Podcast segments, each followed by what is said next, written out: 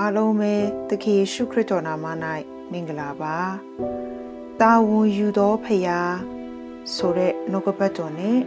ဆင်ခြင်ခွန်အားယူဖို့အတွက်ဖြစ်ပါတယ်တမန်တော်ဝတ္ထုအခန်းကြီး9အပိုက်ငယ်19ညအခါခြောက်ရဖရာဤကောင်းကင်တမန်သည်ထောင်တကားကိုဖွင့်ပြီးလင်ထိုသူတို့ကိုနှုတ်၍တင်တို့သွားကြတော့ဧဝံဂေလိတရားကို ဟောပြောတည်တည်ခံခြင်းကြောင့်ပေတရုက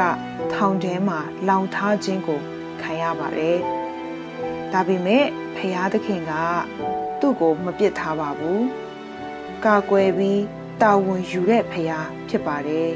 ။ညအခါမှာကောင်းကင်တမန်များအားဖြင့်ပေတရုကိုထောင်ထဲကနေလွတ်ပေးခဲ့ပါတယ်။ဧဝံဂေလိတည်င်းကောင်းကိုဟောပြောခြင်းကြောင့် ဒုက္ခရောက်သောတမန်တော်များကို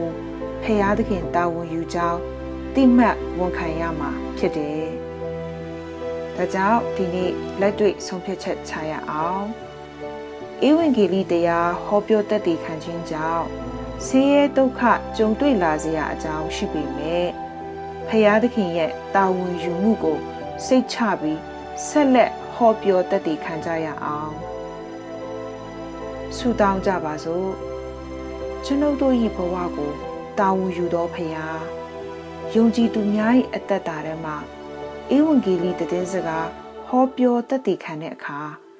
ကိုရောဤကွယ်ကာခြင်းကိုလိုအပ်ပါ၏လွတ်လပ်စွာဟောပြောတတ်တည်ခံရသောအခွင့်ကို ပေးတော်မူပါကဲတင်တော်မူသောဖရာကျွန်ုပ်၏အသက်တာထဲမှာကဲတင်ခြင်းအမှုကို နေ့စဉ်ပြုပေးနေတဲ့အတွက်ကျေးဇူးတင်ပါ၏ ကိုရော၌တာ၍ရက်တည်တတ်စေပါကျွန်ုပ်ဘဝတစ်ခုလုံးကိုတာဝန်ယူပေးတော့ကြောင့်ဂျေဇုတင်ပါ၏ယေရှုနာမ၌ဆုတောင်းပါ၏အာမင်